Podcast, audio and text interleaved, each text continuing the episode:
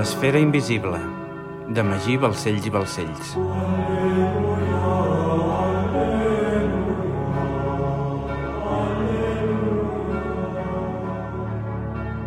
Capítol 31. Santuari de Belllloc. Dimarts 28 de novembre de 1307. Lleida, Principat de Catalunya. Després de 42 dies caminant, Guillem, Maria, el petit Guillem, el Suprem i Arnau de Vilanova estaven completament exhaustos, sobretot Maria, a causa del seu avançat embaràs. Però, havent passat el desert dels Monegros, al cap d'una bona estona, una formosa vista els va donar forces – una gran catedral dibuixada sobre un turó alçat a llevant, Lleida, la primera ciutat catalana entrant per Ponent. Sobre la roca sobirana, just abans de travessar el cabalós riu Segre, l'antiga ciutat de Lleida vigilava l'extensa i àrida plana que hi havia entre els confins de Catalunya i Aragó. El gèlid riu, que baixava amb força des dels Pirineus, era una autèntica barrera natural que dificultava el pas d'un cantó a l'altre, però alhora la més important raó de ser de la ciutat, ja que aquesta comptava amb un vell i immemorial pont construït per ordre de Juli Cèsar que la convertien en obligat lloc de pas entre Barcelona i Saragossa, les dues capitals de la corona. Un cop creuada la ciutat, seguint vers l'est, entre l'immens carrascar de la plana lleidatana, van passar pels Alamús, un petit nucli camperol, i d'allà fins a Bellpuig. Malgrat que Guillem sabia que no podria viure mai a Catalunya, ja que oficialment estava mort, i la seguretat de la seva missió requeria anar a fer vida a un lloc prou lluny perquè ningú el pogués reconèixer, ara que trepitjava la seva terra sentia una nostàlgia indefugible. Passant per Bellpuig, no podia deixar de mirar el castell i el panó que n'arborava. Sobre un camp d'or, quatre faixes vibrades de color negre, les armes dels Anglesola. En aquest castell havia crescut la seva mare Margelina, i Guillem hi havia passat grates estones de petit amb els seus cosins i els seus avis. Veient les armes dels Anglesola, Guillem no va poder obviar un sentiment d'odi cap a la seva mare. A Bellpuig van emprendre la direcció cap al sud-est, per arribar fins a la vall del Corp, una estreta vall per la qual descendia un riuet encorbat que naixia al sud de l'altiplà de la Sagarra. La plana anava prenent cada cop més altura de forma progressiva. Cada cop hi havia més turons i el carrascar convivia amb més pins i alzines, fins a arribar a Ciutadilla, assentada ja en plena vall del Corp. Enfilant la vall, van passar a veure el monestir cistercenc de Santa Maria de Vallsanta i per la vila de Guimarà, esglaonada de forma vertiginosa sobre el vessant nord de la vall. Guillem se sentia molt proper a casa i no podia deixar d'observar les armes dels castells nobles que onejaven en aquells indrets, ja que temps enrere havia tractat amb tots ells. A poc a poc, pujant per la vall del Corp, va sobresortir el castell de Savallà a la dreta – coronat pel cèrvol vermell dels Timor, i per fi, arribant ja cap a Rauric, feu de la baronia dels Caral, dominava intens el violeta dels camps de safrà. Tots els presents van pensar que aquell era un paisatge singular i preciós. Només unes passes més enllà, finia la vall del Corp i la terra descendia suaument cap a l'altre cantó, formant les primeres valls del Gaià. Al cap de dos minuts, a mà dreta, s'albirava el castell de Caral i la serra de Borfaganya a la llunyania – amb la vila de Santa Coloma just davant, la capital de la Baixa Sagarra. La comarca sagarreta comprenia la part meridional de l'altiplà central, al sud de la Sagarra, allà on l'altiplà topava amb la serralada per litoral catalana en els trams de Caral, Brufaganya i Montclar. Terra alta i ondulada, amb estius frescos i hiverns congelats, estava poblada per diminutes fonts que amb gran esforç recorrien entre els suaus turons de secà fins a formar rases i torrents que donaven vida als dos petits rius, el Gaià i el Corp. Les ribes dels rius estaven esquitxades de basses, horts i molins que aprofitaven l'escàs corrent d'aigua amb penes i treballs, mentre que les planes i turons el safrà dominava esplendorós, compartint hàbitat amb alguns camps de cereal i petites clapes de bosc de pins i alzina. Rodejant Santa Coloma, es van parar en un bosc a l'espera que caigués la nit, i quan va arribar el moment, van emprendre el camí cap a Santa Maria de Belllloc. Arribant al petit santuari, la llum de la lluna plena il·luminava la façana i els dibuixos esculpits s'observaven amb clara nitidesa. Les pedres que conformaven l'arquivolta exterior de l'entrada tenien uns interessants gravats, formats per una extensa liana vegetal que anava entrecreuant-se des d'un cantó cap a l'altre, formant 21 cercles amb dibuixos gravats a l'interior. El Suprem, home observador i amb profuns coneixements, en veure-ho va dir «És aquí, l'ordre d'aquestes pedres no és casualitat. Semblen només pedres inofensives, oi? Res més lluny de la realitat. perquè aquestes pedres són una perfecta representació de les tres corones de l'existència i les seves set subdivisions. És perfecta, una obra d'art. Increïble, va exclamar Guillem. L'escala còsmica, tots els estats del ser, les tres corones i les seves set divisions. Com? va dir Arnau de Vilanova. L'existència es divideix en 21 regnes, integrats en grups de set i conformant tres corones diferents, la física, la mental i l'espiritual, explicava el Suprem. La corona física i els seus set regnes integren tots els fenòmens de l'univers relatius a la física i les manifestacions materials. La corona mental i els seus set regnes integren tots els fenòmens de l'univers relatius a la ment i la corona espiritual i els seus set regnes integren tots els fenòmens de l'univers relatius a l'esperit. Set regnes per cada corona i tres corones que conformen un tot, l'esfera invisible. Set per tres és 21. 21 pedres amb 21 cercles entrellaçats i 21 gravats simbòlics perfectament realitzats i ordenats. Què voleu dir? va preguntar Arnau de Vilanova. El nombre dels gravats, l'ordre i el seu simbolisme hermètic no deixen lloc a dubte, li va dir el Suprem. Observeu cada pedra des d'esquerra a dreta i podreu contemplar els 21 regnes de l'eternitat. Mireu el primer gravat. Dos lleopards drets esquenes un de l'altre, caminant en direccions oposades, però amb els caps girats, mirant-se l'un a l'altre i fent-se un petó. Els lleopards caminant en direccions oposades simbolitzen els dos pols oposats de la matèria, i el petó, el punt d'unió entre amb dos. És la representació del primer regne de la corona física, la matèria – tot allò que conté certa quantitat d'energia i s'estén en alguna regió de l'espai-temps. Increïble, va dir Arnau. I el segon? va dir assenyalant la segona pedra. Són dos camaleons alats, posant la mà a les cuixes del bafumet i fent-li un petó a la galta, va respondre el Suprem. Els camaleons són animals que poden canviar de color, éssers canviants, i si porten ales, representen una matèria canviant i volàtil – al seu torn, el petó i el tocament de les cuixes al bafumet signifiquen un nivell de consciència bastant elevat. Aquí es fa referència al segon regne, la matèria radiant, allò de què estan fets els llamps, la llum, les aurores boreals, el vent solar o les nebuloses intergalàctiques, matèria volàtil i canviant. La llum és portadora d'informació i consciència, va afirmar Guillem. El tercer regne, un lleó rampant coronat? Els caral? va preguntar Arnau, senyalant la tercera pedra. Des d'un punt de vista heràldic, potser sí, li va respondre el Suprem. Però un lleó coronat després d'aquests dos dibuixos només simbolitza una cosa, el sol. El lleó és l'animal solar per antonomàsia. El seu color daurat i la seva cavallera radial representen la potència de la llum del sol i el seu moviment, l'alba i l'ocàs, l'est i l'oest, l'avui i el demà. La posició d'aquest símbol al tercer lloc al·ludeix a la matèria que conforma el Sol i totes les estrelles que tinguin sistemes de planetes – un tipus de matèria que desprèn una energia i consciència que no podem arribar ni imaginar, però sense la qual no podríem existir. Una fulla de figuera? va preguntar Arnau, extasiat amb les explicacions del Suprem, tot senyalant la quarta pedra. La Bíblia diu que el primer arbre de l'Eden va ser una figuera, i les cultures mesopotàmiques la reconeixen com l'arbre sense el qual seria impossible el coneixement i l'abundància. Cal saber llegir entre línies. Tot és un eufemisme, i en el simbolisme alquímic de la filosofia d'Hermes la figura es refereix a l'èter. Ròmul i Rem, els fundadors de Roma, van ser alletats per una lloba a l'ombra d'una figuera. Tota existència es realitza a l'ombra de l'èter. El coneixement i l'abundància són impossibles sense ell. Èter? va preguntar Arnau. És una substància d'extrema tenuïtat i prodigiosa elasticitat que impregna tot l'espai universal i actua com mitjà de transmissió d'ones energètiques com la llum, la calor, l'electricitat, va contestar el Suprem. Mai havia sentit a parlar de l'èter, va exclamar Arnau. Sempre hi ha una primera vegada per tot, va dir-li el Suprem. Mira el cinquè, un vell barbut amb dues cares i una clau a cada mà. Gravitació i magnetisme. Les dues cares d'un mateix fenomen, les dues claus per aconseguir l'afinitat química, el cinquè regne de la corona física. És fantàstic, va exclamar Arnau, fora de si. I el sisè? Un cercle envoltat de flors de lis radials? Què simbolitza la flor de lis en alquímia? Li va preguntar el Suprem. La perfecció, va contestar Arnau. Aquí el que tenim és la representació d'un engranatge, element utilitzat per transmetre moviment, amb unes dents en forma de flor de lis, símbol de la perfecció.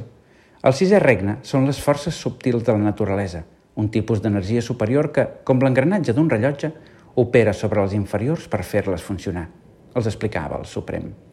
Forces subtils? va preguntar Arnau. Així és, Arnau.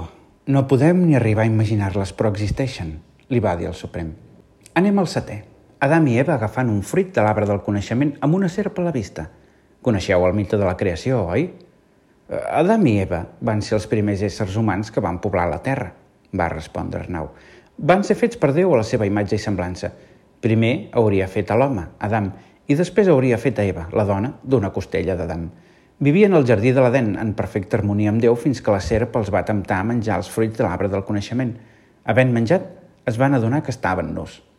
Més o menys, va dir el Suprem. Sempre hi ha part de veritat en tota llegenda. Els textos originals de la Bíblia no diuen Déu, diuen déus. I és cert, van ser els déus qui van crear la humanitat i els primers homes anomenaven déus els seus creadors, els atlants. Els atlants eren experts en genètica i van crear l'espècie humana als seus laboratoris mitjançant l'encreuament entre un atlant i un simi. Per això es diu que van ser fets a imatge i semblança seva, ja que per la nostra sang corre sang atlant. Un cop van tenir fet el primer home, van extreure cèl·lules de la seva costella i van fer el que ells anomenaven un clon femení, creant així a Eva. La seva programació genètica estava feta amb la finalitat de crear una espècie dòcil i ignorant que treballés pels atlants. Malgrat tot, una agrupació d'atlants que s'anomenava la Germandat de la Serp i que tenien com a símbol un caduceu alat amb dues serps entrellaçades no estava d'acord amb l'ús de la humanitat i, considerant-ho immoral, van induir a Eva i Adam a menjar un producte semblant a un fruit d'un arbre. El fruit era en realitat una matèria creada per transmutació alquímica que contenia la més elevada i subtil energia, capaç de vivificar intel·ligència amb el simple contacte. El setè regne és una energia tan poderosa que es considera poder diví i vivificador. Una energia similar a la que generen les llàgrimes de felicitat o els somriures innocents dels infants i que en hermetisme se simbolitza mitjançant el moment en què la serp tempta Adam i Eva, el moment en què la humanitat adquireix consciència i intel·ligència per voluntat d'Hermes, el gran mestre de la germandat de la serp.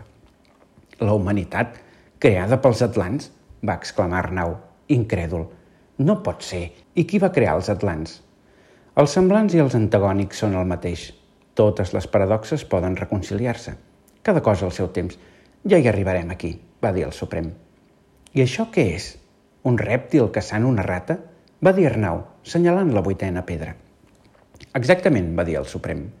A partir d'aquí comença la corona mental i les pròximes set pedres fan referència als seus set regnes, totes les formes vivents. Efectivament, aquí veiem un rèptil caçant una rata i com bé sabem, la classificació simbòlica dels animals en hermetisme es fa en quatre grups diferents, en funció de les seves qualitats, associant-se als quatre elements bàsics, aire, aigua, terra i foc. Així, els peixos i amfibis corresponen a l'aigua, els rèptils a la terra, els ocells a l'aire i els mamífers al foc pel fet de tenir sang calenta. En aquest cas tenim un rèptil i un mamífer, terra i foc. Què neix de la terra i el foc? Els minerals, va afirmar Arnau. La vuitena pedra simbolitza el primer regne de la corona mental, la ment mineral, va aclarir el Suprem. Els minerals són éssers vius amb escàs desenvolupament, però vius al cap i a la fi, encara que nosaltres no puguem percebre, va afirmar Arnau, convençut com alquimista que era. La novena és la fulla de belladona, deia el Suprem, assenyalant la novena pedra. Una planta màgica que provoca al·lucinacions, les dones romanes les usaven en les seves orgies pel seu efecte narcòtic i perquè provocava una dilatació i brillantor de les pupil·les que les convertia en belles dones. Eh, consumida amb precaució provoca l'al·lucinació de creure ser una entitat meitat mineral, meitat vegetal i d'estar en una dimensió de plaer superior. Per aquest fet, en hermetisme simbolitza unes entitats invisibles a ull humà que fan de nexe entre la ment mineral i la vegetal, el segon regne de la corona mental. Un arquer disparant? va preguntar Guillem, senyalant la desena pedra. Hermes deia que els vegetals eren un exèrcit d'arquers que disparaven oxigen a l'atmosfera i, per tant, un arquer sempre representa el mateix en filosofia hermètica, el món vegetal. La desena pedra representa, doncs, la ment vegetal. I l'onzena? No és una fulla, també? va dir Maria, encuriosida. Però no és una fulla qualsevol, aclaria el Suprem. És una fulla de mandràgora, planta protagonista de moltes llegendes i rituals. Les seves arrels, semblants a un petit simi i ocultes sota la terra, Simbolitzen el desenvolupament mental d'unes entitats invisibles a ull humà que fan d'anexa entre la ment vegetal i l'animal, el quart regne de la corona mental.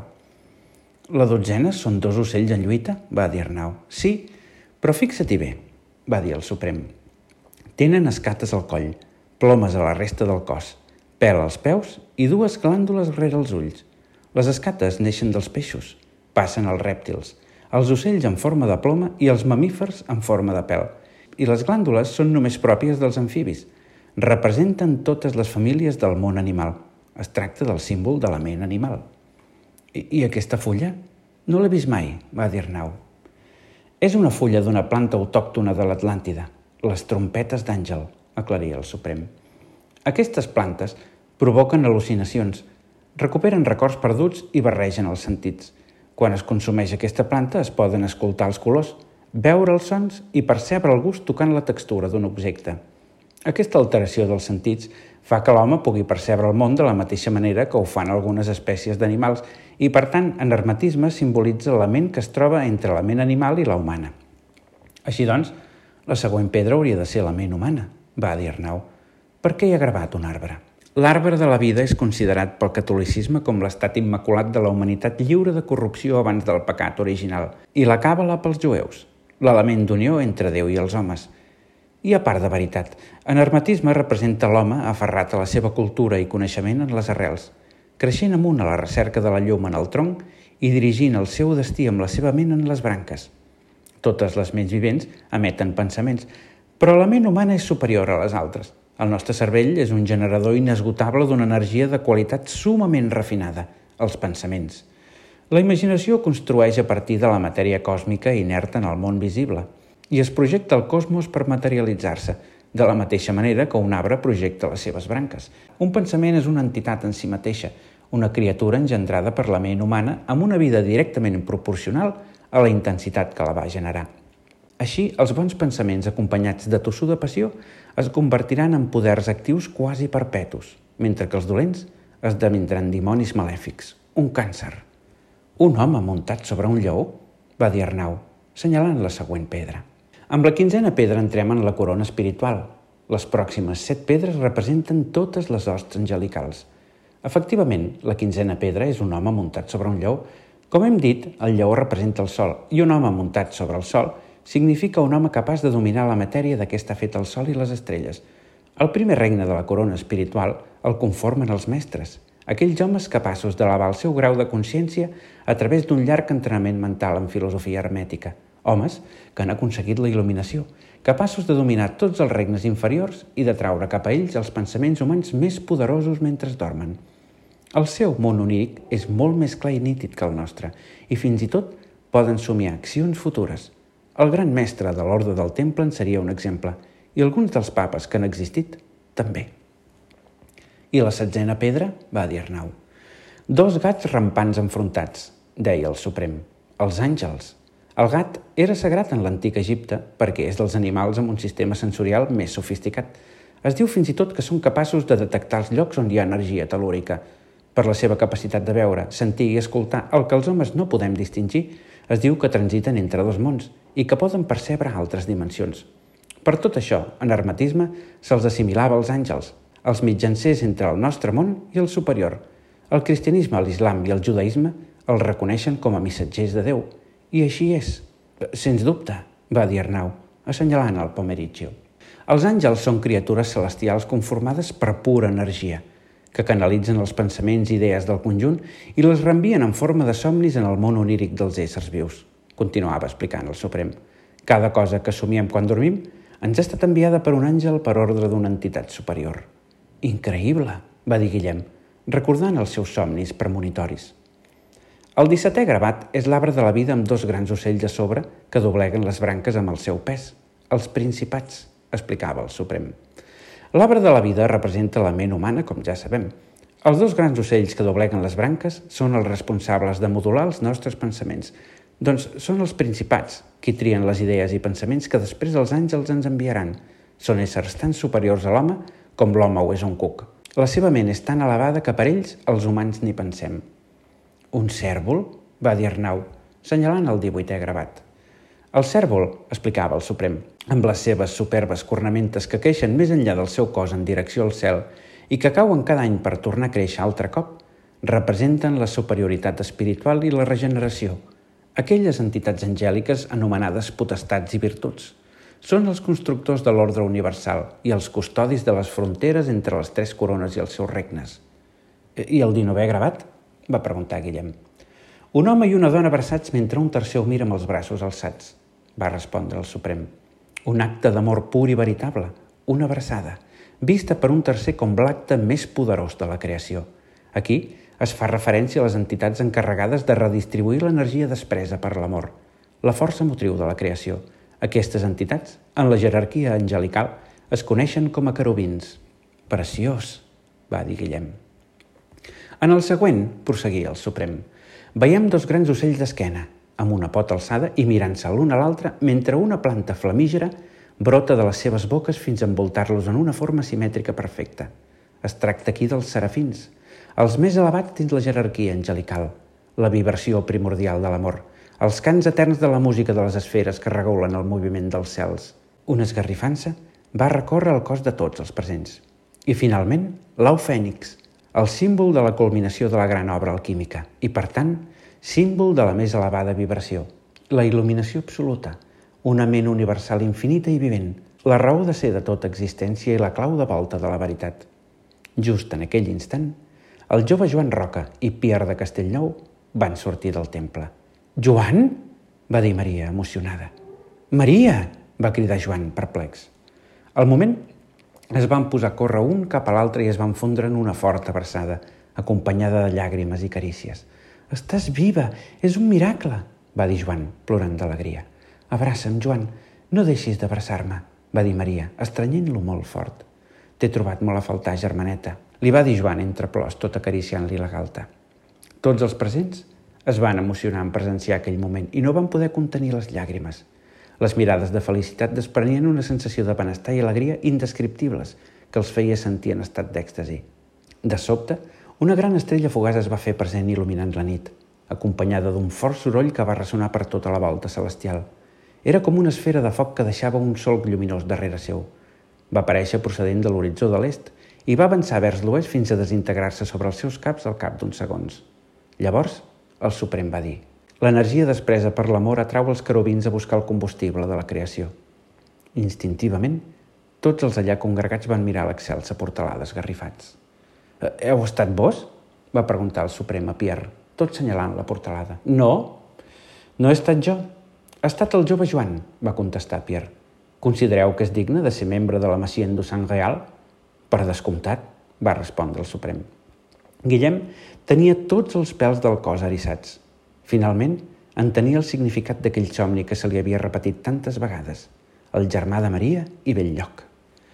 Tot seguit van entrar al temple, van menjar alguna cosa i es van dirigir a descansar després d'aquell llarg viatge. De bon matí, abans que ningú es despertés, Guillem i Maria van abandonar Belllloc disposats a fer justícia.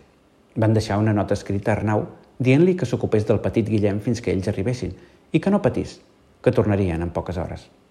Després de tot el que havien viscut, Guillem tenia la necessitat de parlar amb la seva mare. Cada cop que observava la mà de Maria i la seva marca al front, sentia que havia de fer justícia d'alguna forma o altra. La seva mare era la responsable del procés de Maria i la Inquisició. El petit Guillem no havia conegut el seu pare fins a l'edat de 5 anys i Guillem sentia que li havien robat un temps preciós i que per amor a Maria i al seu fill la vella Margelina no podia quedar impuna. No tenia intenció de fer-li mal, només volia parlar amb ella per treure tot l'entrellat d'allò i dir-li directament que sentia vergonya de ser el seu fill. Maria, la principal afectada, volia parlar també amb ella per dir-li unes quantes coses i malgrat que Guillem li havia dit diverses vegades que no hi anés, ella no ho va acceptar. Així que van emprendre el camí direcció al castell de Caral, determinats a abocar tota la seva ira verbal contra la vella Margelina. Arribant als peus de l'encimat castell, van veure el panó dels Caral onejant sobre la torre. Margelina era allà. Davant la porta de la muralla, un oficial els va dir que marxessin, però Guillem, curosament tapat amb una casulla perquè no el reconeguessin, va insistir que volia veure Margelina i li va dir que li transmetés un missatge. Ramon Llull, del Mau de Rocabertí i Inquisició. L'oficial, davant la tossuda perseverança de Guillem, va donar la notícia a la seva senyora que hi havia un plebeu a la porta que volia parlar amb ella. Què vol aquest mort de gana? li va preguntar Margelina. Vol parlar amb vos, senyora. M'ha dit que us digués eh, Ramon Llull, del Mau de Rocabertí i Inquisició. En sentir aquelles paraules, la vella es va posar blanca de dalt a baix i una freda suor va recórrer el seu cos. Immediatament va ordenar que fessin entrar el plebeu i el portessin fins a la sala noble. La vella caminava d'un cantó a l'altre sense parar, nerviosa pel que podia passar, quan va sentir que s'obria la porta. Va mirar i va dir «Què voleu?» Van tancar la porta i Margelina va mirar estranyada la noia embarassada. Aquella fesomia li era peculiar, però no la reconeixia. Llavors, Guillem es va acostar. Es va treure la caputxa i va mirar la seva mare directament als ulls. «No pot ser!» va exclamar la vella. «Estàs viu!» «Sí, sóc viu i Maria també», va dir Guillem, assenyalant la seva estimada. «Alabat sí el senyor!» va dir la vella intentant abraçar-lo. «No em toquis!» va dir Guillem, traient-se-la de sobre. No em tornaràs a tocar mai més. Si som aquí és només per dir-te que ets la pitjor púrria que mai ha engendrat aquest món i que em fa vergonya ser el teu fill. Però, va dir la vella, et penses que no ho sabem? S'ha de ser molt mala persona per veure patir el teu fill i no sentir la més mínima compassió, va dir-li Maria. Calla, desgraciada, tot és culpa teva. Si el meu fill no t'hagués conegut, res d'això hauria passat, va cridar-li Marcelina. Culpa meva, va dir Maria. Va ser tu qui va comprar la Inquisició perquè em condemnés. Em van torturar per culpa teva, em van desterrar per culpa teva, vaig parir sola per culpa teva i el nostre fill va estar esclavitzat durant anys per culpa teva. El meu fill no m'ha pogut conèixer fins als 5 anys, li va dir Guillem, amb odi. Ella estava embarassada, tu sabies que l'estimava i tot i així la vas posar en risc, a ella i al nen. T'ho diu, mare, t'ho diu.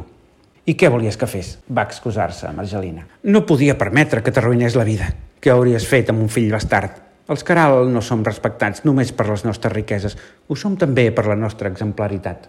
El baró de Caral amb una camperola, on s'és vist? Mai ha sabut actuar com a tal. Hi ha coses que estan per sobre dels nostres desitjos i sentiments. Un noble com cal sap renunciar a tots aquests sentimentalismes perquè coneix quin és el seu veritable propòsit. La família, el seu llinatge, la construcció d'una dinastia que ens faci eterns. Tu, jo, la teva estimada, el teu fill i els teus germans morirem. Tots morirem els nostres sentiments, les nostres penes i les nostres glòries moriran, però la família ens sobreviurà tots. El nostre llinatge és l'únic que importa. A la merda, el puto llinatge, va cridar Guillem. Quin futur creus que t'esperava al costat d'una camperola? Si no hagués arreglat el tema jo amb la Inquisició, us hauria pogut denunciar qualsevol altre. I llavors què? va dir Marcelina. No, si encara t'haurem de donar les gràcies. El que vas fer no té justificació possible. Fer-li això a un fill manipular i mentir a tota la família, posar-nos en risc a tots només per la teva glòria personal, em fas fàstic, li va dir Guillem. No és un tema de glòria, és sentit comú. Allò no podia perdurar. Era perjudicial i perillós per la família, va dir Margelina.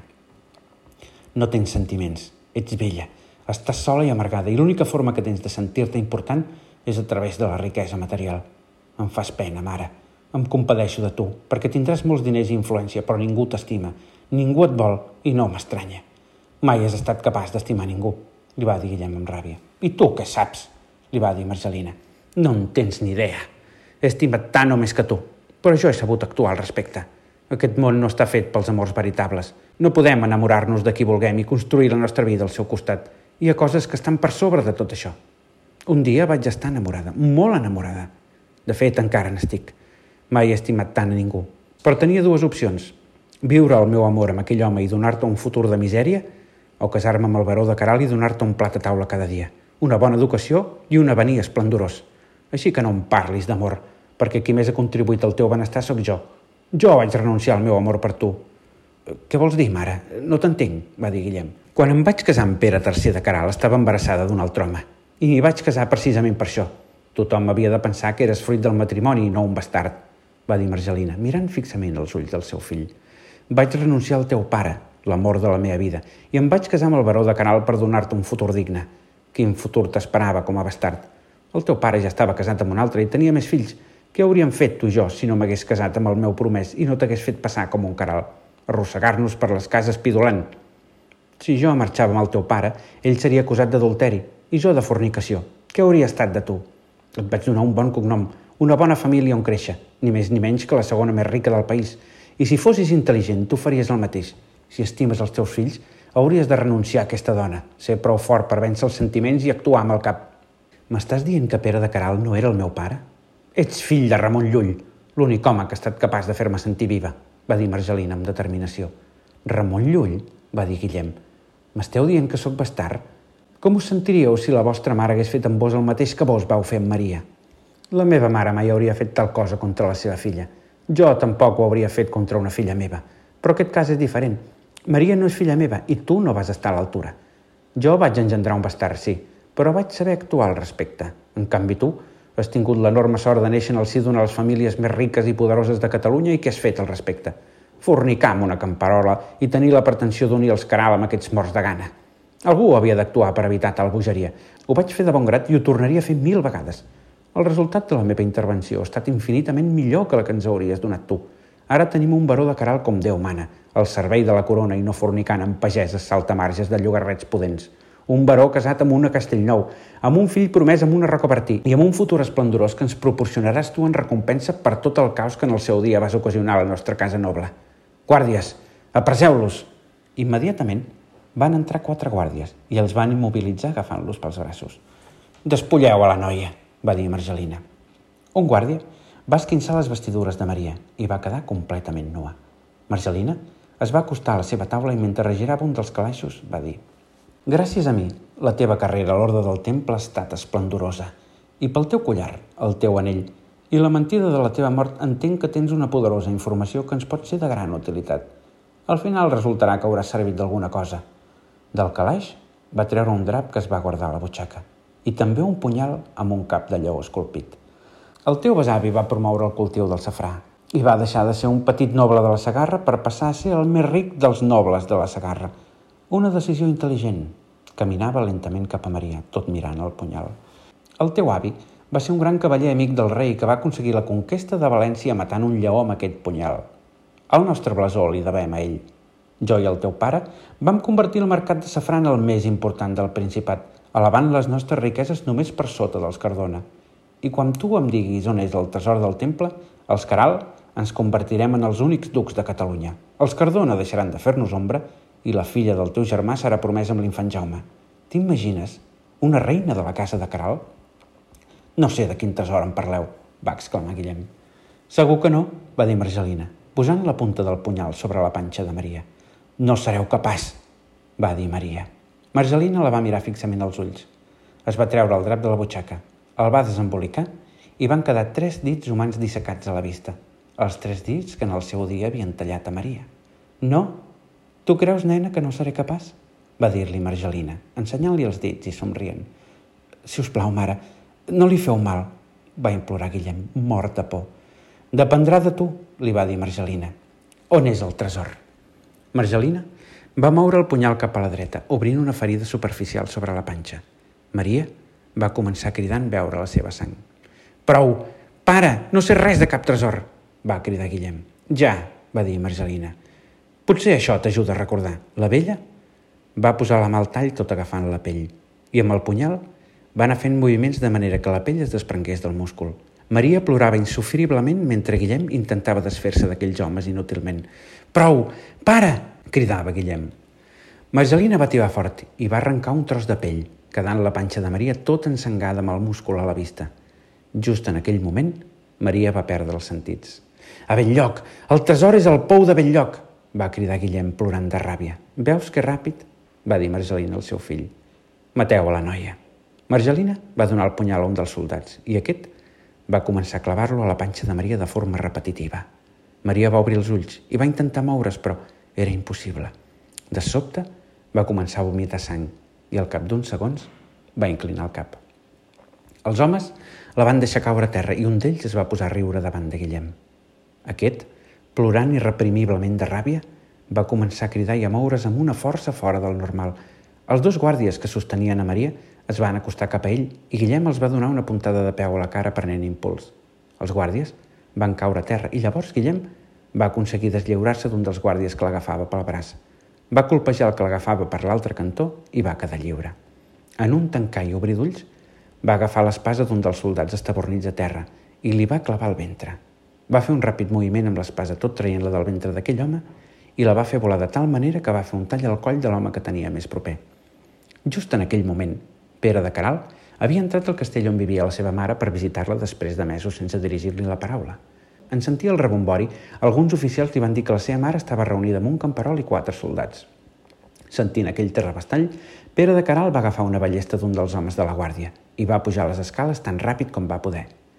Mentrestant, a la sala noble, Guillem va clavar l'espasa a l'ull d'un dels dos soldats i després va tallar-li la cama a l'altre. És la primera heroïcitat que t'he vist fer mai, va dir Margelina, amb un somriure. Tindràs prou coratge ara per fer el pas següent? O t'agenollaràs a plorar aquesta desgraciada i el bastard? Guillem es va acostar. Va agafar aire i va moure l'espasa ràpidament cap al coll de la seva mare. El cap de la vella es va desprendre d'un sol tall i va sortir volant pels aires, mentre la sang del coll sortia al ritme dels batecs del cor i el cos de la vella queia de genolls. Pere de Caral va obrir la porta i va veure el cap de Margelina rodolant pel terra. Va alçar la vista i va veure un home d'esquenes amb una espasa ensangada – Irreprimiblement va disparar la ballesta i l'home va caure de genolls. Pere es va acostar i el cor se li va accelerar. Guillem? Guillem ja a terra traient sang per la boca i estossegant. La fletxa li havia entrat per l'esquena i li havia tocat el cor. Pere es va posar de genolls tot sostenint-li el cap. Guillem, amb la mirada perduda i la boca plena de sang, va dir «Enterra'm amb Maria. Cuida del meu fill». Eh, «Perdona, Guillem, perdona'm», va dir Pere, veient a Maria uns metres més enllà. No sabia que eres tu. Et perdono, Pere. Tranquil, però promet-me que no et moriràs. No avui, va dir Pere. Promet-me que et cuidaràs de Guillem. És a bell lloc. Avisarem els metges, no et deixaré morir. Promet-m'ho, va dir Guillem amb determinació. T'ho prometo, cuidaré del teu fill. Guillem va esbossar un somriure i mentre exhalava l'últim alè, només durant uns segons, va sentir que li sobrevenia una plenitud absoluta on només hi havia pau. Era com si s'hagués parat el temps. Llavors, va reviure totes i cadascuna de les seves paraules, accions i pensaments mentre apareixien unes llums de colors intensíssims mai vistos. Finalment, quan va haver exhalat per complet, va generar el seu últim pensament, un poderós desig que va projectar amb totes les seves forces convençut que s'acabaria complint. Llavors, van començar a xeurar-li les orelles i tots aquells colors es van sumir en la foscor.